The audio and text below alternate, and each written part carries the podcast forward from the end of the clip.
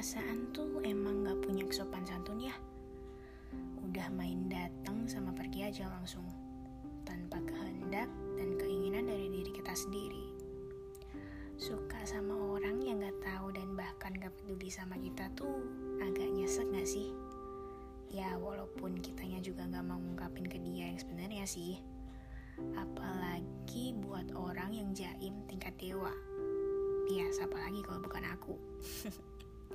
Cuma bisa stuck Instagram dia yang bahkan profile sama fitnya aja kosong.